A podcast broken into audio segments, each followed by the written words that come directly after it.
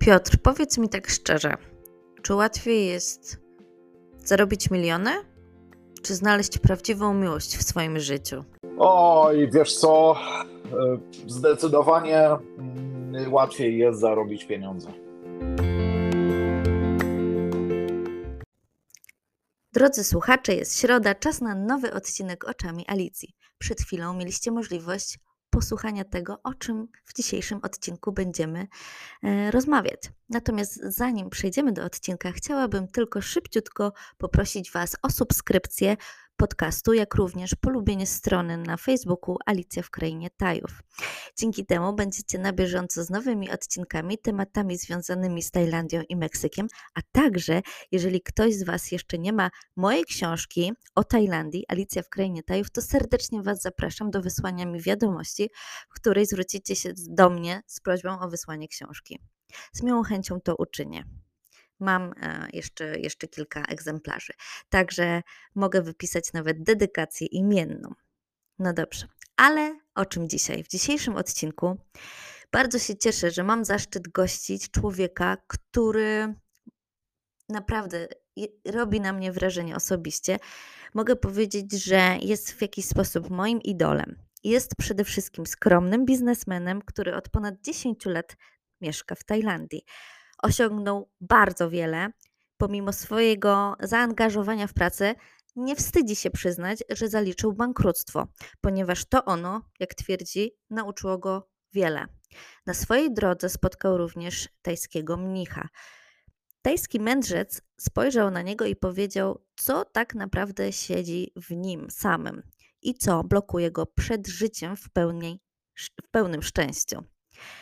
Nasz dzisiejszy gość wziął sobie te nauki do siebie i odmienił swoje życie o 180 stopni, a dzisiaj opowiada o tym szczerze i z pasją. Mam nadzieję, że dla Was stanie się również motywacją do tego, aby nie bać się zmian, bo to dzięki nim możemy spełniać własne marzenia. Aha, jeszcze tak, jeszcze na marginesie, że warto marzyć, ponieważ, uwaga, marzenia się spełniają i to te nawet najbardziej szalone. Sama jestem tego żywym dowodem. A już teraz przed Wami, Panie i Panowie, koledzy, koleżanki, drodzy słuchacze, Piotr Motyl.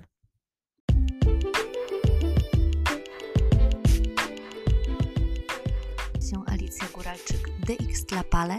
Przez 5 lat mieszkałam w Tajlandii, po czym 7 lat w Meksyku a dzisiaj jestem autorką książki Alicja w Krainie Tajów oraz prowadzę podcast Oczami Alicji. Serdecznie Was zapraszam na przygody, które wydarzyły się naprawdę. Jak się masz, Piotrek? Co u Ciebie słychać? Dziękuję. Całkiem, całkiem ok. Wiesz, 11 lat e, już w Tajlandii, także Słońce, piasek, mało stresu, da się żyć. Da się żyć. A jakieś najnowsze, najświeższe ploteczki e, z krainy uśmiechu to? Wiesz co, ja tam specjalnie się jakimiś tam plotkami nie interesuję, poza tym, że ostatnio tutaj w Tajlandii były wybory, jak pewnie wiesz, nie dużo ludzi liczy na to, że coś się tam zmieni, no czas pokaże. Poza tym, jeśli chodzi o takie plotki dla ludzi, którzy tutaj mieszkają, szczególnie obcokrajowców, to no to trochę zmieniło się w kwestii wiz coraz trudniej jest tak i, no i naprawdę wielu krajowców ma problem, żeby zostać na dłużej, ale ogólnie jeszcze nadal trochę rozwiązań jest i można spokojnie sobie jeszcze pomieszkać trochę w Tajlandii. No to jak ty sobie radzisz z wizami? Bo jak ja mieszkałam w Tajlandii, e, powiedzmy było to 12 lat temu, później 5 lat mieszkałam, Także wizę i takie jakby um, rezydencje można było dostać mhm. jedynie, jeżeli się na przykład wykonywało jakąś legalną pracę, czyli przez e, pracodawcę. A jak ty na przykład sobie radzisz z wizą? No bo jesteś już mężem e, Sherry, e, Sherry mhm. jest Tajką, ale czy to ci daje możliwość mieszkania w Tajlandii już, przywilej mieszkania w Tajlandii już bez obaw?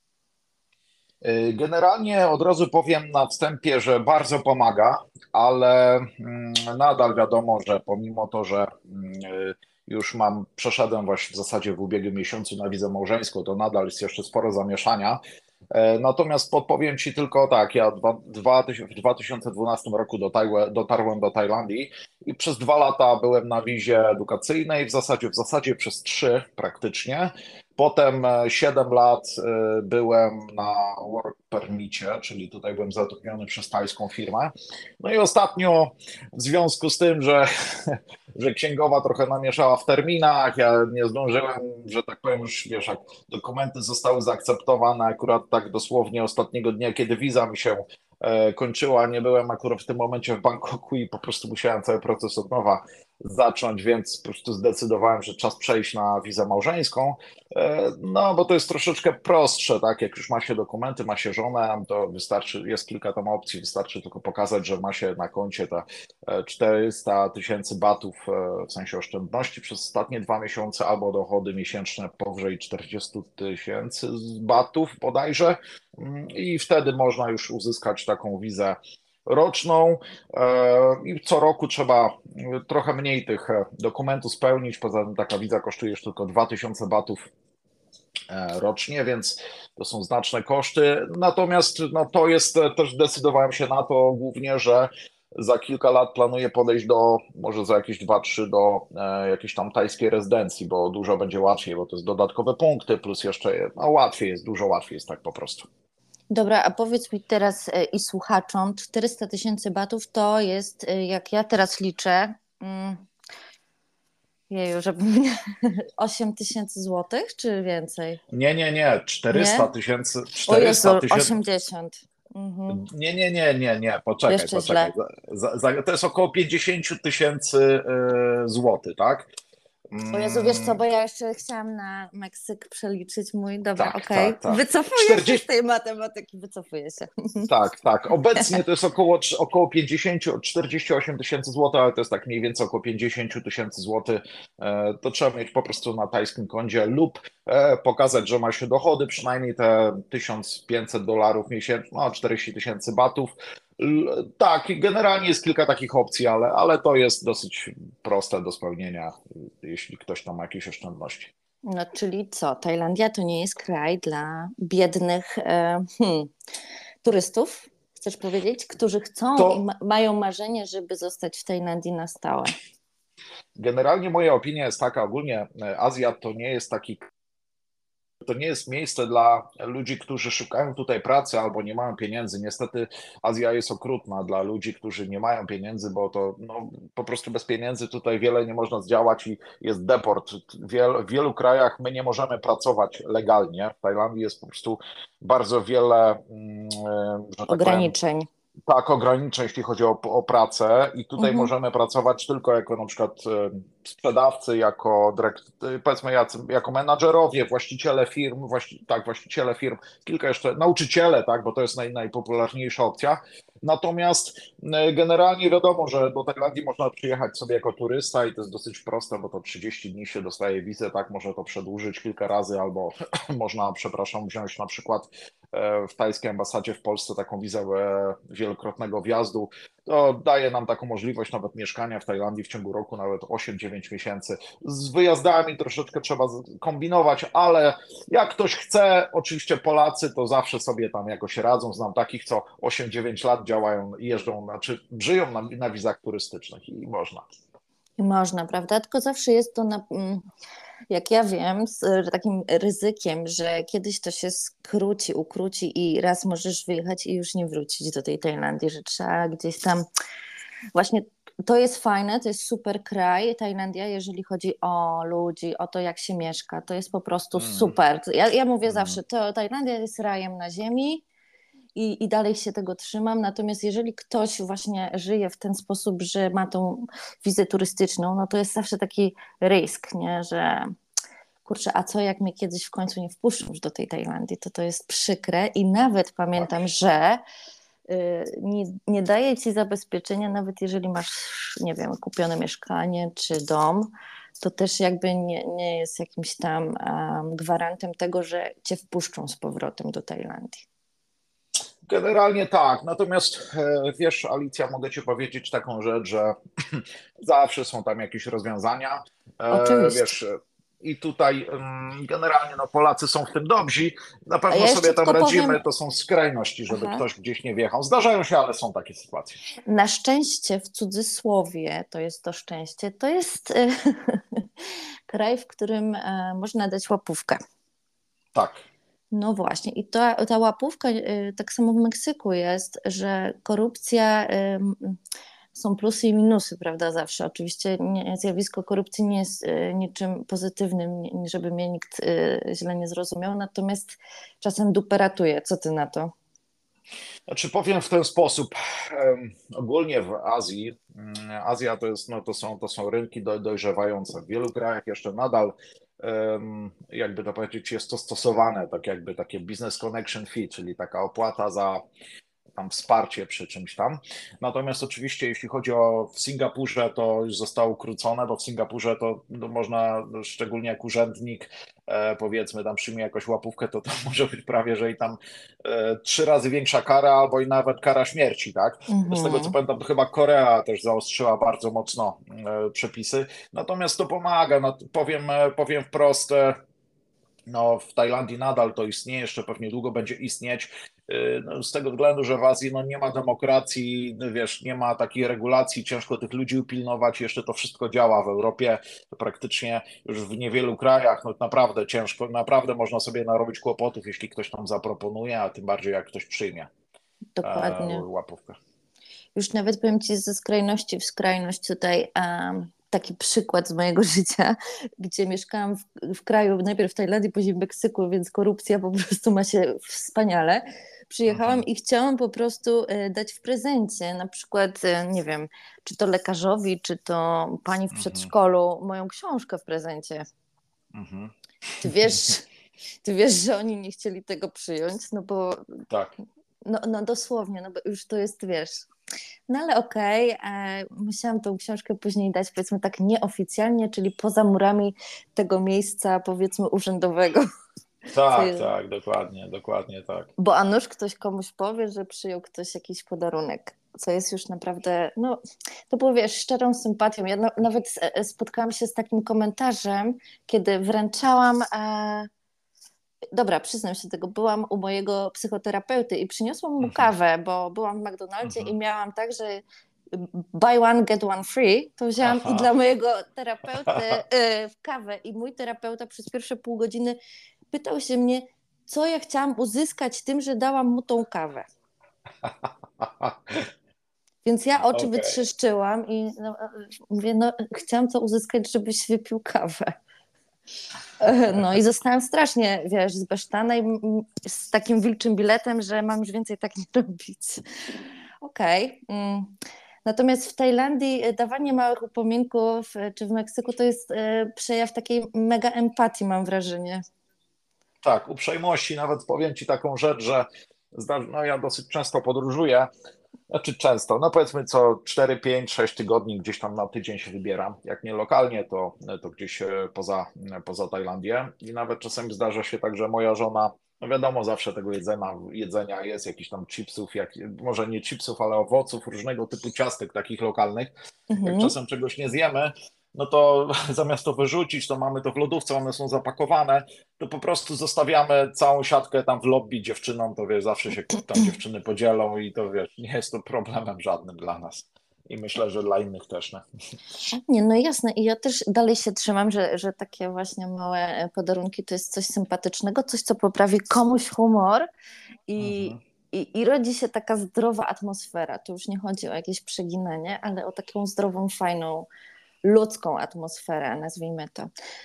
mhm. Dobra, słuchaj, e, wiesz, co mi się spodobało, zanim zaczęliśmy naszą rozmowę, to y, jak rozmawialiśmy, zanim ją nagra- nagrywamy teraz, że powiedziałeś, da, a ja Alicja, nie dawaj mi żadnych e, pytań, zanim zaczniemy nagrywać, bo ja lubię taki spontan. I ja sobie wtedy pomyślałam, no mój człowiek, bo ja tak samo mam takie samo podejście e, do życia, że, że lubię, lubię być zaskakiwana, a ty?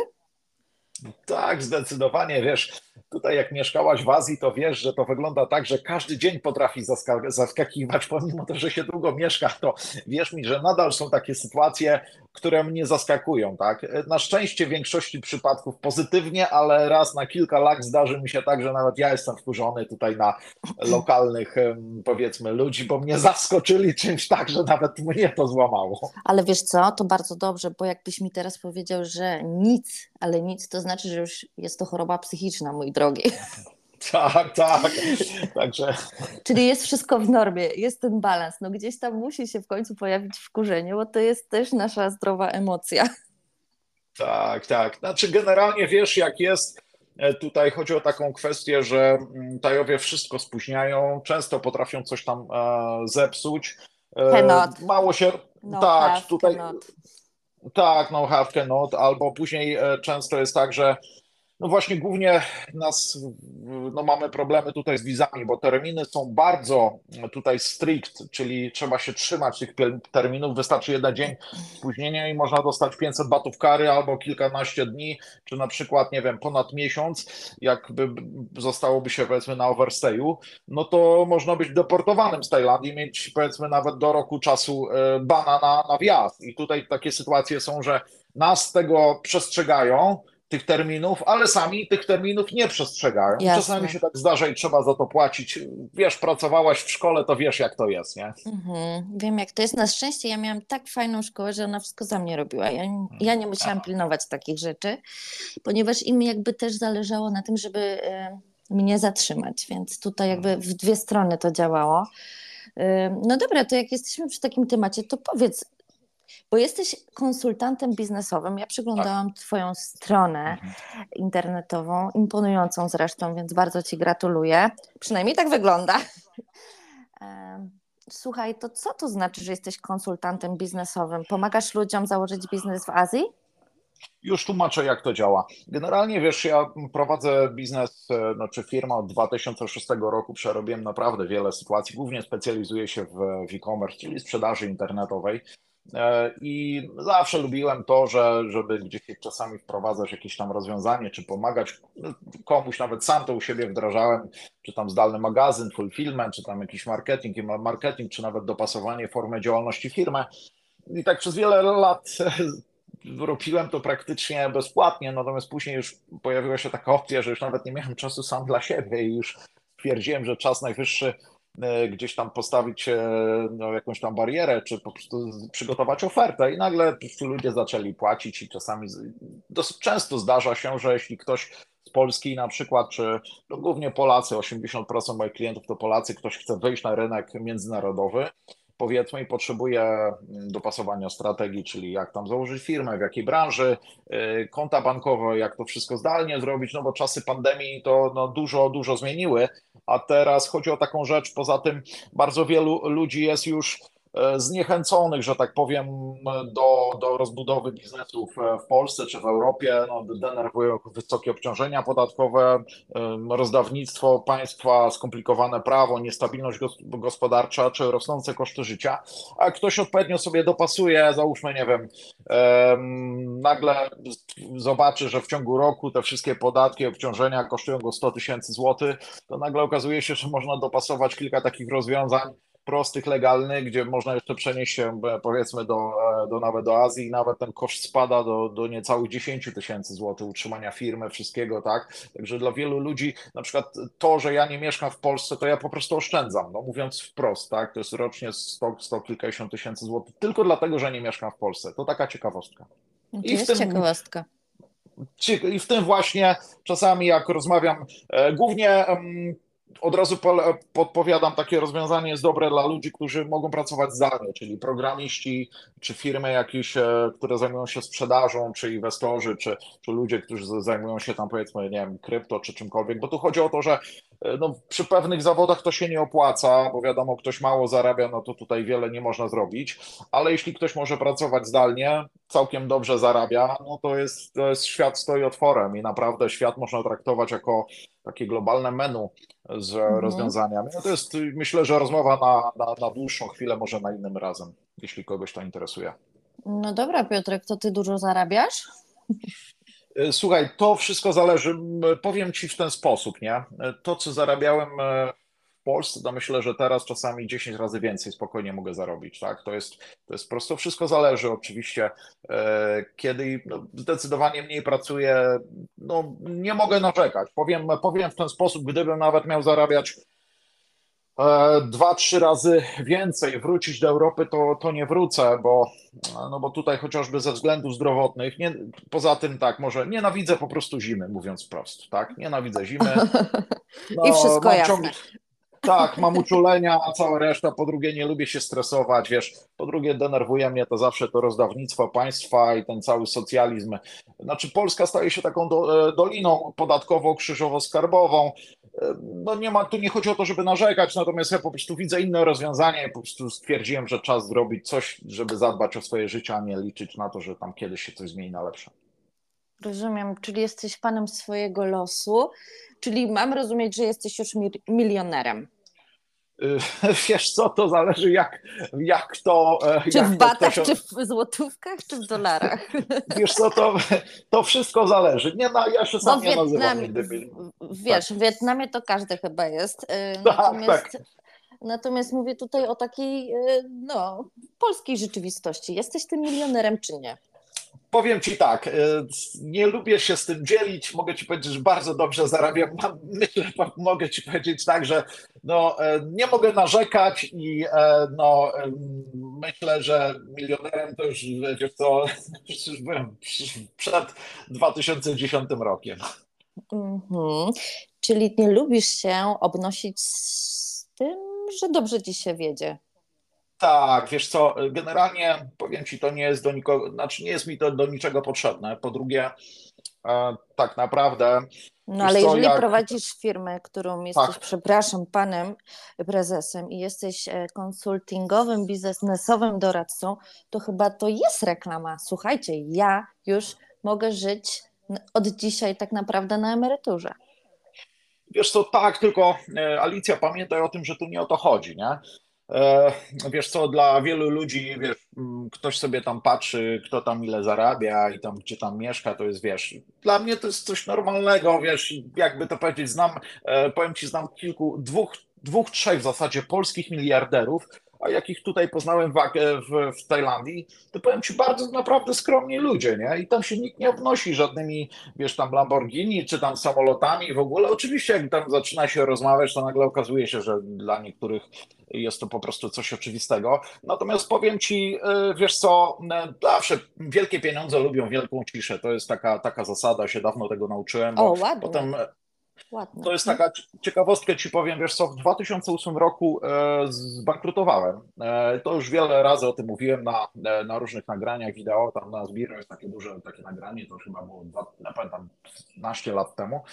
I powiem ci, że wtedy nauczyło mnie, bo straciłem spore pieniądze i dopiero wtedy zobaczyłem, że większość tych ludzi, których e, przyciągały jakieś tam gadżety, moje pieniądze, to potem, wiesz, nie mogłem na nich liczyć i tak naprawdę to tylko zostało dosłownie kilka osób, które, które gdzieś tam pomogły, a reszta po prostu odeszła, tak? I w tym momencie ciekawostka jest taka, że właśnie wszystkie te gadżety, im się bardziej ktoś obnosi, jakim on jest tam milionerem czy tam miliarderem, no to potem okazuje się, że w relacjach e, różnie to wychodzi, tak? Że, że jakby to powiedzieć, no czasami nie można na kogoś liczyć i nie można liczyć na takie prawdziwe, że tak powiem, związki, no, czy koleżeńskie, czy, czy, czy nawet małżeńskie chociażby. Ja się z Tobą zgadzam zupełnie, że wiesz, to trochę takie bardzo proste, przyziemne powiedzenie. Krowa, która dużo ryczy, mało mleka daje i coś w tym jest. Em, Powiem Ci też drugą rzecz, którą mam przemyślenie, to co mówisz, jest bardzo ciekawa. Mm, Myślę, że jak ktoś umoczy dupę, brzydko mówiąc, i straci wszystko, tak jak Ty mówisz, że mm, Mhm. bankructwo zaliczyłeś na swojej liście życiowej, Tak. to to uczy pokory przede wszystkim na pewno, a po drugie, ja mam takie wrażenie, że jak ktoś już tę ścieżkę do miliona dokopał, to on już wie, jak tam wrócić. Tak, zdecydowanie tak. Co więcej, powiem Ci wtedy, co taką, taką ciekawostkę. Bardzo ważne jest to, żeby im wcześniej nauczyć się liczyć, czyli prowadzić swój budżet domowy, powiedzmy miesięczny, wiedzieć ile się wydaje na, mieszkanie, na, na, na życie, na, na mieć poduszkę taką oszczędnościową przynajmniej na ten pół roku, to, to minimum życia przy swoich e, kosztach. E, I generalnie wtedy, jak się nauczysz po prostu na małych pieniążkach, to z dużymi pieniążkami już sobie bardziej poradzisz. Ciekawostkę ci powiem, e, ja właśnie kilka lat temu, no sześć, prawie siedem lat temu, jak poznałem moją żonę, tutaj właśnie cherry, to jest nie sherry, tylko cherry, czyli A, okay. wiśnia. Tak, wiśnia to e, wiesz co, po, na początku wiadomo, tam zajmowała się domem, tam zakupami, tym wszystkim, ale, ale wiesz, chciałem zobaczyć, jak sobie radzi z pieniędzmi i wyobraź sobie, że dostała do mnie Excela takiego z budżetem domowym, wiesz, na, na miesiąc, nie? Chciałem zobaczyć, jak ona to wypełnia i teraz wyobraź sobie, że ostatnie lata z dokładnością do jednego bata, e, wiesz, wie ile, ile wydajemy na, na, na jedzenie, na życie, na wszystko i wiesz, i w tym momencie powiem Ci, że dużo łatwiej. To jest rzadkość, jak wiesz, u Taju, żeby potrafili liczyć. I to też mnie ujęło i też to jest jeden z powodów, że, powodów, że zostało moją żoną. Ale wiesz, to tak trochę brzmi, jakbyś był taki financial abuse. Wiesz, jak żonie każesz na Excelu liczyć, ile wydaje normalnie, to brzmi, aż mi się słabo e, robi. To ci powiem, e, popatrz na to, popatrz na to z innej perspektywy, wiesz co? Chodzi o taką rzecz, że wiesz, e, w wielu związkach, to co zauważyłem, mam trochę znajomych, często mm, problemy zaczynają się od, wiesz, problemów finansowych, tak? No umówmy się, no to jest, wiesz, to jest, nie jest łatwa sprawa. Po drugie, wiesz, jak, jak gdzieś tam, e, chodzi o taką rzecz, że e, jakby to powiedzieć, jak się, wiesz, z kimś człowiek wiąże, no to też trzeba, wiesz, mieć trochę więcej zaufania. Ja, wiesz, nie mam problemu z pieniędzmi, tam naprawdę, wiesz, radzimy sobie całkiem, całkiem dobrze, moja żona też świetnie zarabia, ale co ciekawego, zobaczyłem, że też jej to pomogło w jej biznesie, bo ona prowadzi swój, swój własny biznes całkiem dobrze e, zarabia. Cherry, Zajmuje, co ona robi? Tak, w tym momencie od kilku lat zajmuje się, no, prowadzi taki gabinet eyelashes, czyli przedłużenia rzęs i prowadzi dodatkowo jeszcze kursy e, takie właśnie dla, dla dziewczyn, w sensie szkoli, szkoli inne dziewczyny. To już od lat to e, tym robi. To jest, wiesz, fajna praca, bo ma dużo czasu wolnego i, i też, e, no, że tak powiem, przy okazji całkiem dobrze zarabia.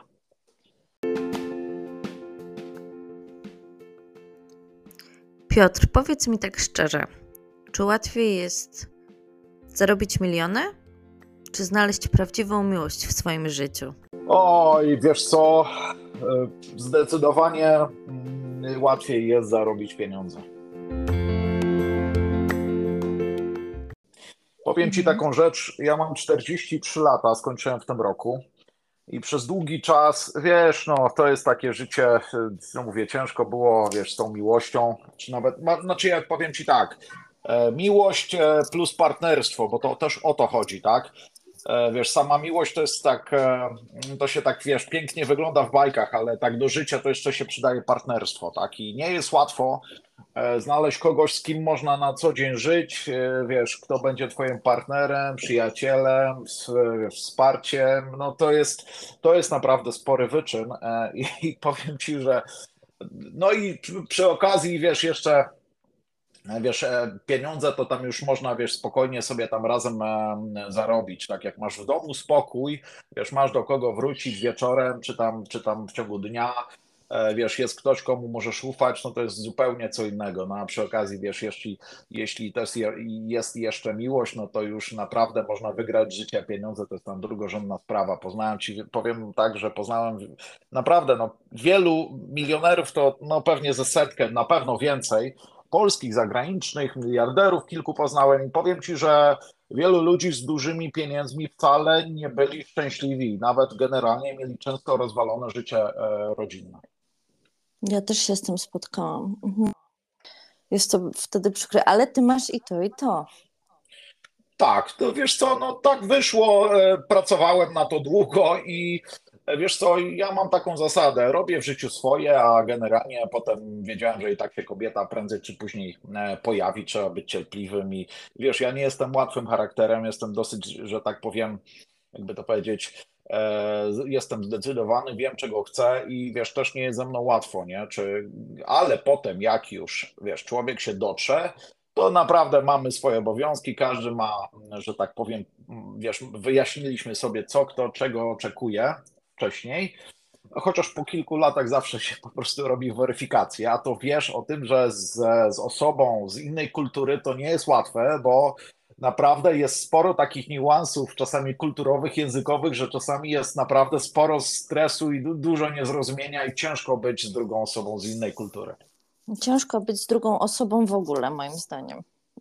Tak, ale wiesz co, mogę ci powiedzieć, że to, że to jest możliwe, bo to jest tak, że wiesz co, mm, to wiesz, jest tak, że no, trzeba ciągle gdzieś tam ufać, wierzyć, że ktoś się pojawi. Ja wiesz, sporo związków miałem takich, no, które gdzieś tam byłem po kilka lat i czasami wiesz, coś z tego nie wyszło, tak? Natomiast w pewnym momencie jest jakoś tak, że wiesz, ludzie gdzieś mieszkają ze sobą i potem nawet wiesz, dwa lata temu wzięliśmy ślub, to tam nam wiele po tym ślubie nie zmieniło tak naprawdę. Trochę może nam wizowo w sensie pomogło, mhm. ale wiesz, każdy wie, co ma robić, wiesz, ufamy sobie nawzajem nie robimy sobie, wiesz, tam, wiesz, nie, ja też, ja z ogóle, ja ogólnie nie jestem ani zazdrosny, ani awanturniczy, ani coś, wiesz, fakt, dużo pracuję, dużo jem i czasem trochę śmiecę, tak? No, to tak, to fakt i to, to, to, to trzeba się z tym nauczyć żyć. Rozumiem. No ale wiesz, generalnie nie jest łatwo żyć z drugim człowiekiem. To jest cały szereg po prostu kompromisów trochę tak jest, nie? Ale Jaką masz złotą radę, żeby znaleźć, jak, jak ktoś szuka teraz, powiedzmy, nie tak. wiem, załóżmy jacyś słuchacze, którzy są w takiej sytuacji, że się zawiedli w tym momencie na jakiejś miłości i są w takim dołku, to czy jest jakaś taka dobra rada? Y, wiesz co, powiem Ci, jaką ja sam kiedyś e, radę gdzieś znalazłem fajną. Jest taki Polak, się nazywa Lech Starowicz, nie wiem, czy kojarzysz. Oczywiście, pan profesor. Tak, pan profesor, bardzo taki zabawny człowiek, to jest taki chyba polski wybitny seksuolog i go tam pytają, no bo widział tych trochę związków, czy rozmawiał z tymi ludźmi. I to jest tak, że po latach, e, żeby być ze sobą, no to wiadomo, że, że to, wiesz, to uczucie gaśnie, pojawia się, no tam wiele, wiele rzeczy się dzieje, ale zauważył taką rzecz, że te związki, które w domu, znaczy które e, dużo się śmieją, w sensie sobie, że tak powiem, robią żarty na co dzień po 20, 30, 40 latach nawet, to są, to są e, dużo, znaczy to są bardziej spełnione te związki, są bardziej trwalsze. I wiesz co, ja zauważyłem sam to u siebie, że e, nieraz, wiesz, byłem w takich związkach, w których no wiesz, tam było wszystko pięknie i fajnie, wiesz, tam super kobieta i w ogóle tak, no wiesz, ekscytacja, zauroczenie, ale potem, wiesz, brak w domu spokoju, tak, ani pożartować czasami nie można, bo ktoś, wiesz, jakby to powiedzieć, no czasami ja, wiesz, niektórych żart, no powiedzmy, no umówmy się, ja jestem taki, że lubię sobie czasami pożartować, lubię coś tam popsosić, no żeby nie było nudno, wiesz jak jest, tak, mhm. a tutaj z, no nie wszyscy, nie wszyscy to wiadomo akceptują, natomiast tutaj akurat tak właśnie mamy z, z moją że my na, na co dzień to po prostu co dzień sobie gdzieś tam z czegoś żartujemy, a to ona mi coś wrzuca, a to ja, wiesz, albo coś tam e, w sensie zgrywamy się, albo wiesz, ciągle gdzieś tam żartujemy. Mam naprawdę co dzień kupę śmiechu, tak? I powiem ci, że to jest, e, to po prostu łatwiej się żyje, tak? E, I to widać, wiesz, bo to szczególnie przy, słuchaj, jak w domu masz, jest zmiana firanek, nie wiem, kobieta ma okres, albo facet, nie wiem, coś na psoci, to wiesz, potem jak ludzie zaczynają ze sobą rozmawiać, jak jest ktoś, wiesz, coś, e, coś jest, no potrafią wybuchnąć i wtedy jest słabo. Ja się nauczyłem, że jak już jest jakieś, mm, powiedzmy, jakaś awantura, nawet raz nam na 2-3 lata się zdarza jakieś nieporozumienie, no to wtedy mówię choose your words carefully. Mhm. Bo wiesz, w emocjach można łatwo coś powiedzieć. Mówię, słuchaj, wróćmy do tego za parę godzin i sobie coś odpocznij, pojedź sobie coś zjedź, zjedz czy gdzieś tam, nie, a potem wrócimy jutro i to omówimy, zobaczymy, gdzie był problem. I wtedy emocje opadają i wtedy, wiesz, jest łatwiej do porozmawiania, bo jak już, wiesz, ludzie się wkręcą w sensie zaczynają iść na noże, idą jakieś epitety, to potem ciężko jest, że tak powiem, e, wrócić do, do, no, do stabilności związku. No niestety nie, zdarza się, że powiemy coś, czego później będziemy może nawet do końca życia żałowali w tych emocjach. Zdecydowanie tak. Ale to tak jak właśnie mówię, Lecz Starowicz właśnie powiedział fajną rzecz, że zauważył, że te związki, które traktują się po partnersku i mają dużo śmiechu, w sensie po prostu wiesz, no umówmy się, gdzie podchodzą lubią do życia się, z humorem. Się. Tak, Tak, to, to wtedy widzisz, że tu się coś dzieje, wiesz, bo to są emocje. No umówmy się, jak się dużo śmie... umówmy się, pamięta się w życiu tak naprawdę silne emocje. Albo ktoś, kto nas zranił, ale, albo ktoś, z kim się dobrze e, bawiliśmy, albo śmialiśmy się. Zgadza się? Tak, oczywiście. No i masz wybór, tak? Albo idziesz w jedną stronę, albo w drugą stronę. Ja wolę w tą jednak stronę, w tą pozytywniejszą. Ja zdecydowanie też i powiem Ci, że ja żart to u mnie jest w ogóle na pierwszym miejscu. Ja lubię sobie żartować nawet z obcymi ludźmi. Lubię wchodzić w interakcje na ulicy, w piekarni, w sklepie, przy kasie. Po prostu uwielbiam to, żeby życie po prostu miało smak, sens. Tak, dokładnie Prawda? tak. Dokładnie Słuchaj, tak, a ca cała reszta to są poboczne kwestie. Chyba nie ma nic gorszego niż e, taka monotonna egzystencja, jak dla mnie przynajmniej. Zdecydowanie tak. A powiedz mi, jeżeli już jesteśmy przy tych związkach, przy tych naszych trudnych chwilach, to um, mówiliśmy też o różnicach kulturowych.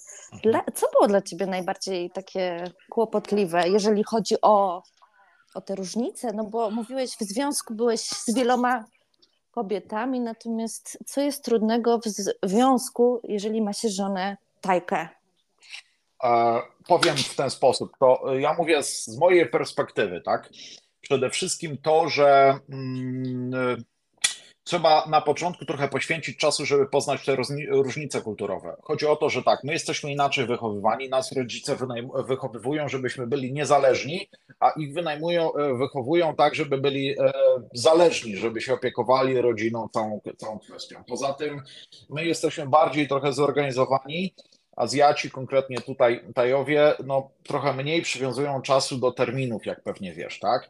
Kwestie zwracania uwagi, na przykład jeśli ktoś popełni błąd, my możemy powiedzieć, słuchaj, ty możesz mi powiedzieć, Piotr, spieprzyłeś to, to i to, weź to popraw i powiesz mi to przy ludziach, ja się nie obrażę. Tajowi tego, wiesz, Tajowi tego nie, nie powiesz. Bo... A powiedz, poczekaj tak. jeszcze raz, bo jeżeli, y, czy zgodzisz się z tym, co teraz powiem, jeżeli bierzesz y, ślub z Tajką, to bierzesz ślub z jej całą rodziną. E, Generalnie tak, e, tak to, tak to wygląda. Natomiast właśnie dlatego też rekomenduję osobom, które e, planują gdzieś tam wziąć, wziąć e, ślub z powiedzmy nawet z tajką, to warto porozmawiać z rodziną, bo to jest tak, że no widać po prostu jaka jest rodzina, tak? Czy, czy to są, wiesz, y, po prostu jeśli jest dużo ludzi schorowanych, no to trzeba liczyć na to, że później ktoś przyjdzie gdzieś tam o pomoc, o pieniądze, wsparcie i w ogóle, tak? Poza tym... E, I trzeba je wyłożyć, tak... prawda? Ta, tak, tak. Jeśli ktoś pożycza jakieś pieniądze, no to trzeba liczyć na to, że już później ich nie odzyska. Ich nie odzyska, tak. Tak, jest, jest sporo, Generalnie rodzina, y, żeby tak, żeby nie powiedzieć, że tylko jest zła, ale generalnie rodzina bardzo dużo pomaga. Ja mogę powiedzieć ostatnio nawet, no rodzina Szery, akurat ona ma tylko brata, brata i mamę, tak? E, mama, wiesz, ciągle pracuje, wiesz, jeszcze do tej pory ma tam, nie wiem, 50 parę lat, ale jeszcze sama tam jakimś sklepem zarządza i wiesz, pracuje do tej pory, także mama jest, teściowa jest super, nie mogę powiedzieć, naprawdę, wiesz, nie pije, nie pali, moja też żona nie pije, nie pali, ciągle, wiesz, gdzieś tam pracuje, coś tam liczy, e, wiesz, także i aż jestem zaskoczony, wyobraź sobie, że moja żona potrafi się w 15 minut przygotować przed imprezą, tak, jak gdzieś idziemy, jakbym teraz powiedział, że za 15 minut wychodzimy, to by była gotowa, tak, z prysznicem, z sukienką, z make-upem nawet, nie, to Ale wiesz, bardzo tak... to cenię ona jest taka śliczna, że chyba niewiele jej trzeba, żeby się uszykować. Wiesz, wiesz jak to kobieta, nie? No bo to no słuchaj. Tak, e, oczywiście. Jak masz 5 godzin, to, to, to i w 5 godzin e, zużyjesz, tak? Ale jak masz 15 minut, to niewiele kobiet potrafi, e, że tak powiem, no zebrać się, czy to składać się, czy, czy tam doprowadzić się, że tak powiem, wylaszczyć się, że tak powiem. Ja, jak to uważa? Wiesz co, ja powiem Ci, lubię ładnie wyglądać, ale nie lubię się piętrzyć też i jestem, tak, jeśli tak. chodzi o, o, wychodzenie e, gdzieś tam z domu, to jestem trochę jak facet. To ja zawsze czekam na moich facetów zazwyczaj. Ale To się ceni, to się ceni, ja mam także masz... portki często, zakładam te portki i muszę, wiesz. em, natomiast oczywiście lubię ładnie wyglądać, żeby tutaj nie doszło do tego, że Boże, czyli co, wyglądasz jak wiedźma i chcesz już iść? Tak, nie. tak. E, Nie, nie lubię się piętrzyć. Kurczę, no nie lubię jakoś tak. Lubię już mieć wszystko już. Najchętniej bym pominęła ten cały proces robienia się na bóstwo. Em, dobra, słuchaj, a powiedz mi, jeśli chodzi. e, Ostatnio rozmawiałam z koleżankami o blaskach i cieniach Tajlandii. Tak. Wiesz, nie wiem, czy zauważyłeś, że ja nie chcę cię zanudzać taką rozmową. Piotrek, a skąd ty tu się wziąłeś w Mhm. Tak, Tajlandii, tak, coś tak, tam. tak, tak, tak. Powiem ci, że fajnie się rozmawia e, chyba z osobą. Ja ci powiem, co mnie najbardziej denerwowało, jak mieszkałam za granicą, że to ja musiałam ciągle o czymś opowiadać, a dlaczego, Mhm. a po co, E, jak to się stało, że ja się w tej Tajlandii czy tam w Meksyku wzięłam i to po prostu, wiesz, setki razy to samo przerabiałam. Mhm. Ja ci teraz chcę powiedzieć pewien cytat e, znanego Mhm. muzyka U2, e, Bono. Wiesz, co on Mhm. kiedyś powiedział w wywiadzie takie słowa, najbardziej nienawidzę swojej własnej muzyki. Jak myślisz, dlaczego? O, wiesz co, bo chyba to, to mu przysporzyło e, największą sławę i myślę, że to zabrało mu trochę prywatności i wiesz, później jest tak, że często ci ludzie sławni, tak samo jak i Michael Jackson, czy tam jeszcze paru innych, to oni nawet do sklepu nie, wiesz, no, totalnie zero prywatności nie mają, wiesz, i myślę, że to mogło o to chodzić, może coś, może o coś innego, ale trudno, nie wiem, Pudło. na rozwiązać. O, właśnie. Jemu chodziło bardziej o to, że e, nigdy w życiu, wiesz, e, nie słyszysz tyle razy tej samej piosenki, jak sam ją napiszesz. Nie dość, że ją słuchasz później ciągle do, e, w kółko, to jeszcze ją Mhm. musisz śpiewać, więc to jest już po prostu aż do, do... No właśnie. I ja się poczułam trochę w którymś momencie jak Bono. W mojej własnej książce tutaj ten cytat Bono mam, że ja go po prostu zrozumiałam. Ja też już po prostu nie miałam siły w kółko klepać to, tego samego. E, Natomiast mm, mam, miałam świadomość tego, że to jest taki koszt już, wiesz, czegoś, że robisz coś innego i ludzie są po prostu ciekawi, nie? E, Dlatego ja ciebie nie chciałam zasypywać masą takich e, trudnych pytań. Jak widzisz, tutaj sobie dosyć wesoło i sprawnie rozmawiamy. No ale chciałabym wyciągnąć, jeżeli chodzi o, o twoje takie spostrzeżenie. Co cię, Piotrek, jeszcze denerwuje w tej Tajlandii, czego jednak już no, nie możesz przeżyć? Oczywiście nie ma miejsc idealnych, wiadomo, to, to jest norma, ale czy jest coś takiego, co do tej pory no, sprawiało E, co- ciebie trudność? Tak, tak. Mogę ci powiedzieć, nawet e, średnio co dwa lata mnie tak nie powodowało tak ogromny stres, taki wk, że tak powiem, No, to nawet mi się to zdarza. Przez to, że wiesz, ja wiem, że mogę, jak mam coś na coś wpływ, przygotuję to, to wszystko. Natomiast tutaj niestety Tajowie tak mają czasami, szczególnie jakieś urzędy e, wizowe, jak tam coś próbujesz załatwić, to czasami e, po prostu nie trzymają się terminów. E, Chodzi o to, że często zdarza się, że Tajowie popełnią błąd i zwalają to na ciebie i ty musisz za Tak. to płacić. tak, tak, To tak. mnie tak wkurwia nawet do tej pory. Już się nauczyłem z tym żyć, ale powiem ci, że no ostatnio nawet mnie to złamało, no bo nawet musiałem wizę zmienić po siedmiu latach, bo już, już szlak nie trafił, musiałem, bo to wiesz, od razu mi się resetuje status, muszę wylecieć do innego kraju, ponieść za to koszty, potem, żeby wejść z powrotem na tą wizę, to muszę jeszcze raz wylecieć i wlecieć na biznesowe i jeszcze przejść kolejne dwa miesiące stracić, na, bo to wiesz, to, to zajmuje trochę, ja wiesz, byłem, miałem taki specjalny status w takiej firmie BOI, taki specjalny projekt e, inwestycyjny, to nie jest, takie, nie jest taka typowa wiza, takie wiesz, miałem taką wizę, że wchodziłem wejściem dla dyplo, dyplomatów prawie, więc wiesz, to jest e, trochę tak, e, trochę tak nietypowo było. I wiesz, straciłem ten status i muszę, i wiesz, od razu nawet chciałem do rezydencji podejść, no i od razu mi się resetuje wszystko, muszę za to wszystko zapłacić, tylko dlatego, że ktoś słuchaj, spierniczył po prostu, bo ktoś nie pomyślał, że. No podam ci przykład taki, bo to była, się- wiesz, wiza mi się Mhm. kończyła 7 kwietnia i to już ja już wiedziałam o tym w styczniu, tam dwa lata wcześniej, więc zaczęliśmy całą procedurę z dokumentami w styczniu, dla pewności, żeby się wyrobić, nie? Odsyłali te dokumenty, tu skanik słabe, tu jest coś tam, jakieś zdjęcie krzywo, tu jak coś tam brakuje, kropki przy dacie. No i słuchaj, do tej pory przez ostatnie ileś lat zawsze akceptowali przed terminem jakieś 10-15 dni. W tym roku, przez to, że były święta, Songkran, cała reszta, wyobraź sobie, że 7 kwietnia się kończyła wiza w piątek i zaakceptowali o godzinie 14 i dostałem info, że o 16 muszę być w urzędzie. wszystko by było ok, jakbym był akurat w Bangkoku, ale powiedzieli mi wcześniej, jeszcze dzień wcześniej, że e, mogę to załatwić na Pukecie, bo akurat miałem wylot na, na, na chwilę, musiałem ze znajomym się spotkać, a tam mi mówią, że tam się nie ba, wracaj do Bangkoku i słuchaj, i nagle, i potem powiedzieli, jak nie przylecę, jak wiesz, jak się nie pojawi, powiedzieli mi o 14, że za dwie godziny mam być w Bangkoku, rozumiesz? Jeszcze powiedzmy, to- że Phuket od Bangkoku jest w odległości sporej. No, go, godzina 15 samolotem, ale z taksi, z całą resztą, to jest po prostu niewykonalne, tak? I powiedzieli mi, że jak się nie zgłoszę, to już potem e, i tego nie anuluję, to już mi nigdy nie dadzą tej wizy. A, a powiedzieli mi wcześniej co innego i to nawet, wiesz, moja żona sprawdzała i to po prostu się wkurzyłem. Taka niekompetencja. I to jest coś, że myślę nie tylko ja, ale pewnie 90, myślę, że 100% Polaków tego nienawidzi.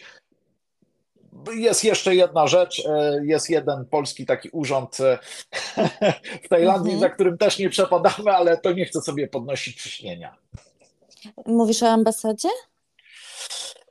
Wiesz co, myślę, że nie wiem, czy mógłbym to lepiej ująć. E, Okej, no to przemilczmy, po co mamy tu wprowadzać, aż, wiesz, ja, ja, ja aż tak ci nie chciałam wzburzyć. po, powiem ci, że właśnie no tak, żeby świadomość słuchaczy mieli, jak bardzo podnosi ciśnienie takie załatwianie spraw urzędowych, co w Polsce się kiedyś wydawało absurdem, w Tajlandii ma się świetnie i ja jak nawet szłam do banku coś załatwić, to ja mówiłam do moich znajomych, słuchajcie, idę do banku, biorę ze sobą dwa kałasze, bo ja ich po prostu tam Tak. rozstrzelam, wiesz? E, Bo, bo, bo ja wchodzę i już widzę te ich pyszczki, które już mi mówią cannot, no have i ja po prostu już, wiesz, ładuję broń, nie? W tym momencie. Tak, tak, tak. I mówię, będą tylko ofiary i, i będzie Czego Tajlandia Cię nauczyła? Twoja najważniejsza lekcja to? Tajlandia nauczyła mnie e, mocnej pokory i balansowania życia i to, żebym się po prostu nauczył, mm, jakby to powiedzieć, cieszyć z tego, co mam tu i teraz. I ciekawostkę ci powiem, właśnie tak jak podróżowałem w 2013 roku po Tajlandii, wtedy jeszcze tam no, prowadziłem w Polsce jeszcze jakąś tam część e, firmy, no byłem, miałem sporo stresu i pamiętam, że trafiłem do takiego no, zakonu buddyjskiego, gdzie tam rozmawiam z takim mnichem po angielsku. Po prostu moi znajomi tam szli sobie na jakieś takie rekolekcje, ja to przez przypadek tam trafiłem. Nie poszedłem docelowo, ale rozmawiałem z mnichem. No i tak wiesz, on widzi, że jestem taki, taki, wiesz, roztrzepany, trochę zestresowany i on mówi, słuchaj, widzę, że jesteś zestresowany i musisz, bo pyta się dlaczego, mówię, że muszę jakieś decyzje podjąć, on mówi, słuchaj, wyobraź sobie, że twoje życie jest jak wielkie wiadro z mętną wodą i w tej mętnej wodzie pływają kawałki kupy i kawałki czekoladek. I teraz te kawałki kupy to są złe decyzje, a kawałki czekoladek to są dobre decyzje. W mętnej wodzie, jeśli tak pozwalasz wszystkim, żeby tą wodą, tym wiadrem trzęśli, wiesz, i tam i klienci, rodzina, tam urzędy, po prostu masę znajomych, po prostu, żeby, żeby, że pozwalasz na to, żeby wpływali wszyscy na twoje, na twój spokój, no to w tym momencie masz duży stres, bo no, w mętnej wodzie nie widzisz, które to są czekoladki, a która jest to kupa, tak? Więc Mhm. mówię, słuchaj, najprostszy sposób. Odcinasz wszystkich na chwilę, poczekasz, odstawiasz wiadro, poczekasz, aż się woda ustoi, mu opadnie i od razu widać, co jest kupą, a co czekoladką. No i co, odciąłeś się od ludzi po prostu? Nie, po prostu zrobiłem tak, że popatrzyłem sobie, wiesz, zrobiłem sobie listę wszystkich rzeczy, które mi zabierały energię w życiu. Przeorganizowałem wszystko, powiem ci szczerze, to było piękny, no naprawdę świetny czas. I teraz mam taką zasadę, że jeśli nawet z kimś rozmawiam i czuję po rozmowie, że jestem zmęczony, że mam zabraną energię, to już wiem, że mam coraz mniej z tą osobą e, spędzać czasu. I Aha. tak to się dotyczy. Co do klientów, po prostu wybieram tylko takie osoby, z którymi, wiesz, sam się czuję dobrze, że mam dodatkową energię. Po prostu, wiesz, jestem na takim etapie, że nie muszę, że tak powiem, pracować ze wszystkimi, czy znać się ze wszystkimi i to świetna zasada. Powiem ci, że wtedy, słuchaj, wracam do domu, nie czuję się jakiś zmęczony, bo wiesz, poznałem fajnych ludzi, mogłem się czegoś nowego nauczyć, mogłem komuś sprawić przyjemność, tak? Wiesz, mam jakoś, e, no, robię coś, co lubię. I w tym momencie to świetnie zadziałało. Powiem ci teraz po latach właśnie stosuję taką metodę, że jak nie wiem, jaką decyzję podjąć, albo nawet gdzieś wiesz, nawet w kłótni, no rzadko się to zdarza, ale czasami są jakieś nieporozumienia, to wiem, że w tym momencie trzeba po prostu dać sobie czas, zdystansować się, poczekać, wrócić za dzień, dwa, albo najlepiej sposób jest taki, jak chcesz komuś coś wygarnąć, to piszesz na kartkę, wszystkie tam, co ci leży na sercu, zapykasz tą kartkę, zamykasz do koperty i do szuflady na trzy dni, po trzech dniach, jak, jak wiesz, przeczytasz to i, no i widzisz, że dobrze, że tego nie wysłałaś, czy nie powiedziałaś komuś trzy dni wcześniej, to znaczy, że to była dobra decyzja.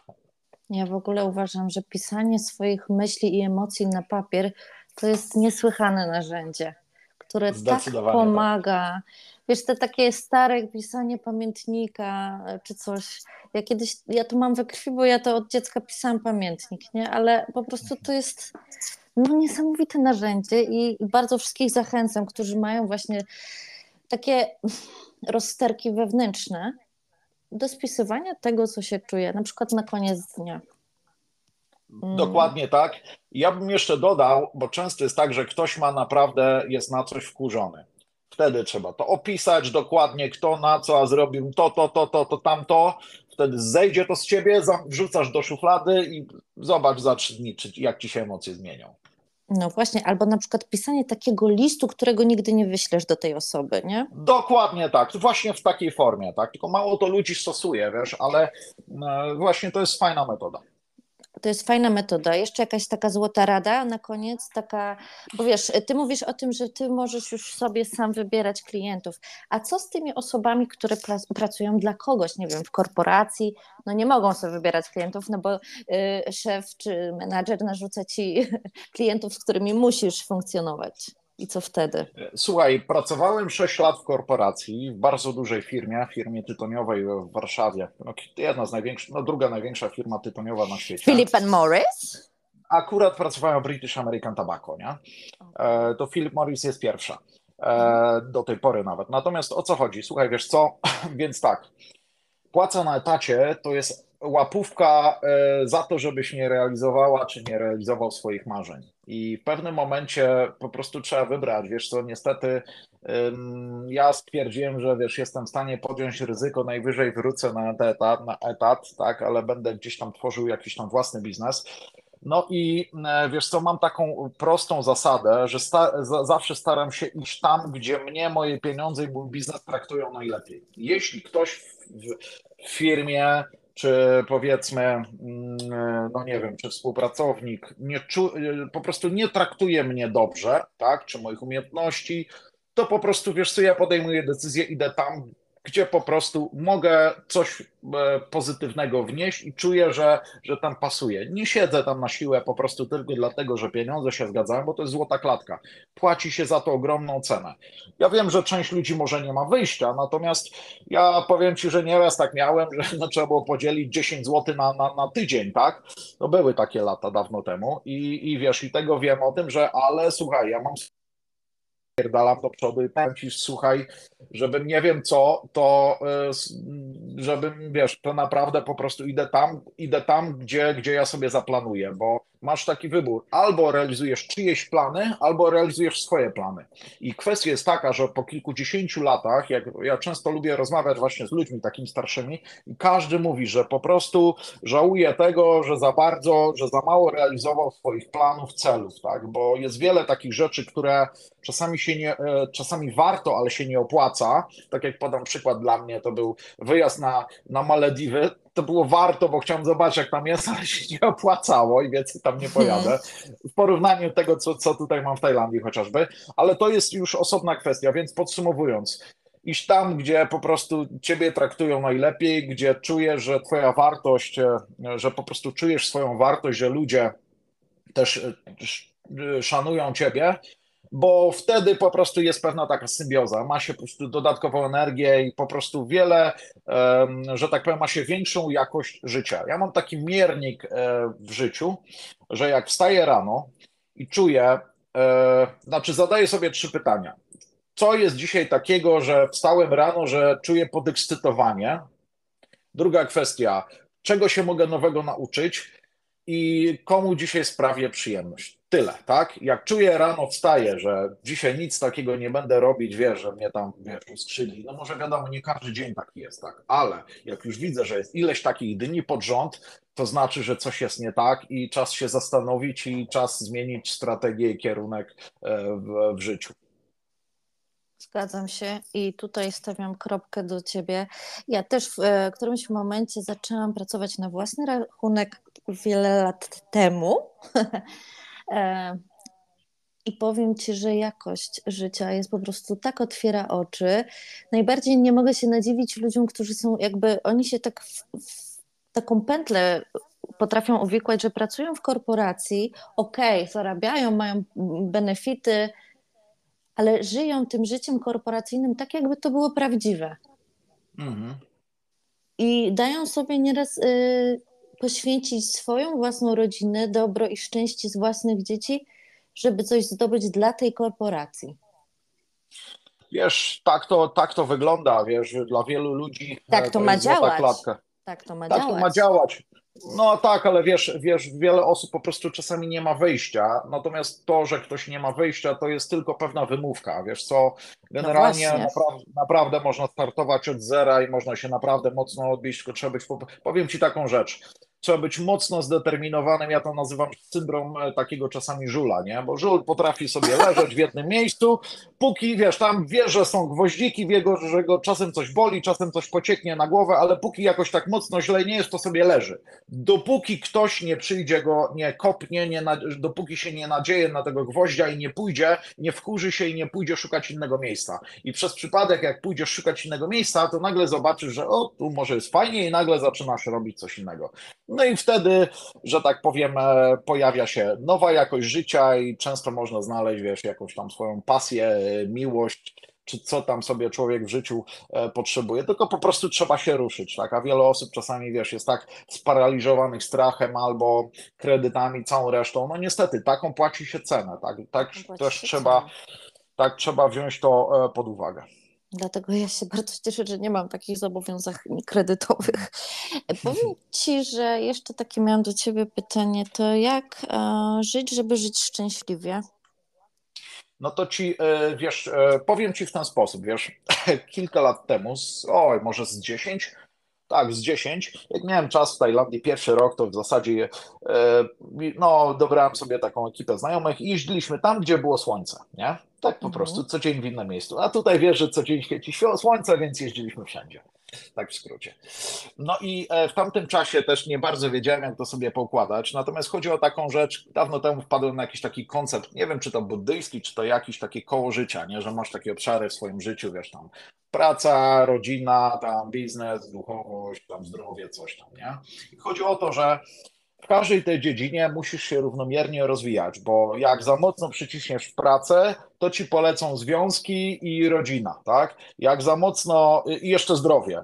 Jak się skupisz tylko na e, powiedzmy, powiedzmy tylko na rodzinie, to czasami biznes i cała reszta się po prostu wysypie, tak? Jak, za, jak pójdziesz za mocno, nie wiem, w życie zawodowe, czyli awanse, całą resztę, to ci się zdrowie sypnie, tak?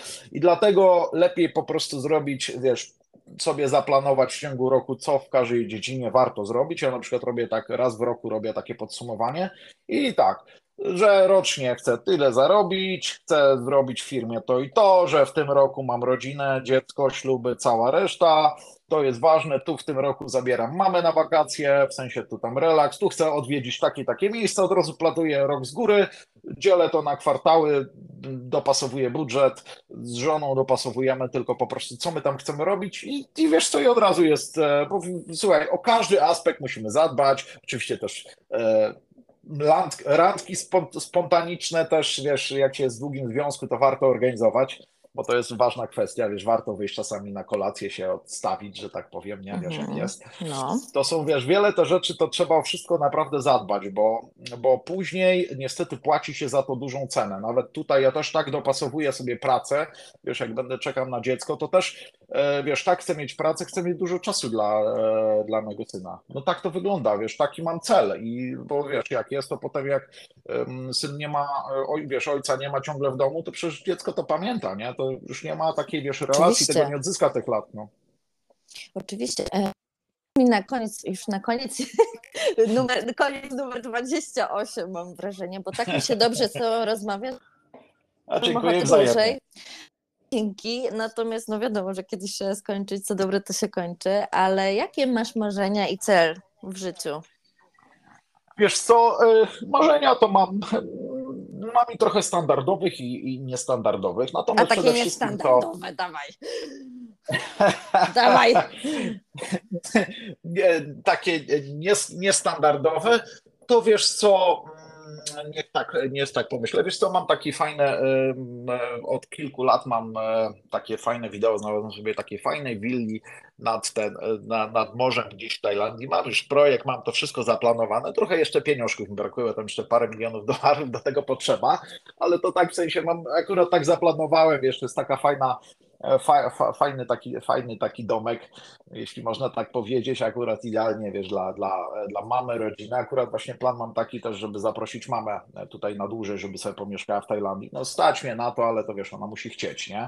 Już była kilka razy, więc e, tak, e, zbudować fajną willę, e, no już mam plan, wiem gdzie, więc już jest całkiem sporo zrobione. Teraz jeszcze pracuję trochę tylko e, nad, nad, nad, nad finansami, to jest raz. No jeszcze pamiętając o tym, że no wiesz, chcę mieć no, szczęśliwą rodzinę, bo to też o to chodzi, tak? No bo co z tego, że wiesz, sam, sam w tej willi nie będę mieszkać, No. wiesz, także. Natomiast, natomiast Król nie marzą mi się, Król tak, nie marzą mi się, nie marzą mi się jakieś tam. Tak, dlatego wiesz, to, to jest tak, że ja właśnie teraz widzę, są takie czasy, że wielu jest ludzi samotnych, nie? Ogólnie wybierają drogę bycia singlem to jest okej dla mnie. Jeśli ktoś wybiera, to też ponosi za to cenę.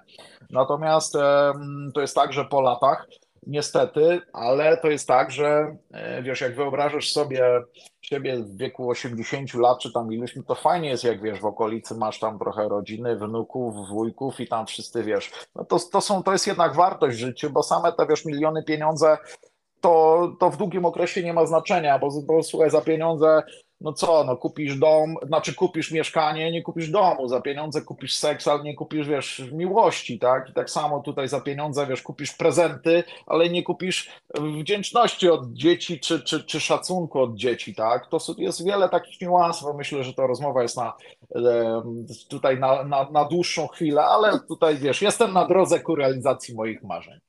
No to ja Ci życzę, żeby Twoje marzenia się spełniły, bo ja już oczami wyobraźni byłam u Ciebie w tej willi przez chwilę e, i sobie się opalałam. A więc e, tak, ja Ci życzę, żebyś miał willę, żebyś miał szczęśliwą rodzinę, żeby mama przyjechała na dłużej i wypoczęła. I wtedy ja jeszcze Was odwiedzę.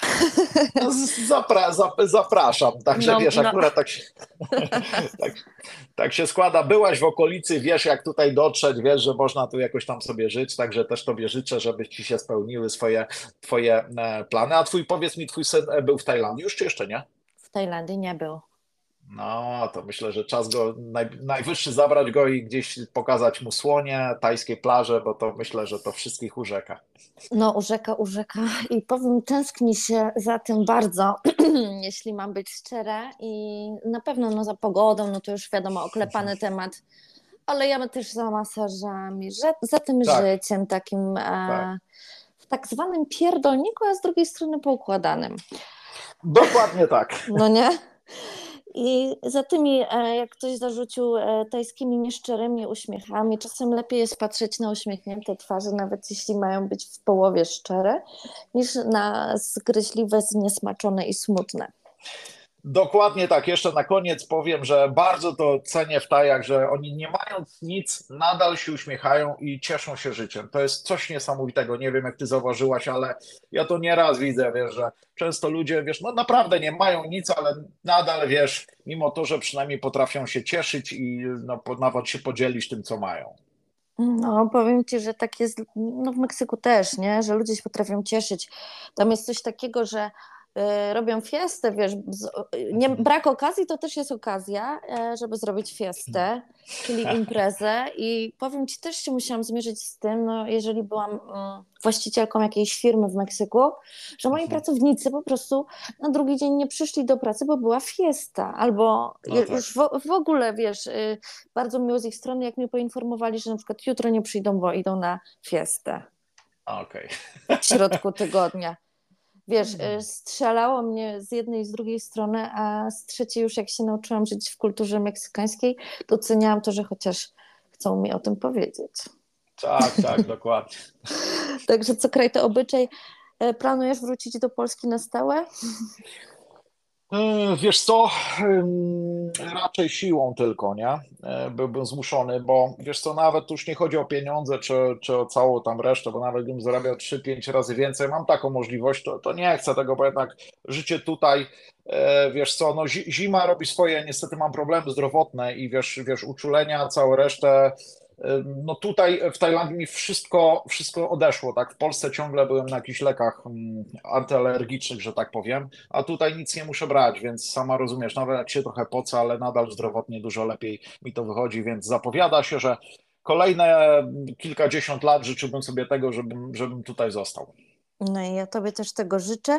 Mam nadzieję, że do zobaczenia, Piotrek, i bardzo dziękuję Ci za rozmowę. Dziękuję wzajemnie. Do usłyszenia, mam nadzieję. Cześć. Do usłyszenia. No papa, cześć.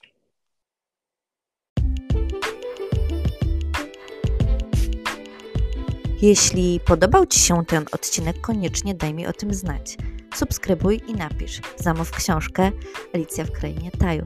A już w kolejną środę nowy odcinek oczami Alicji i nowy gość. Zapraszam.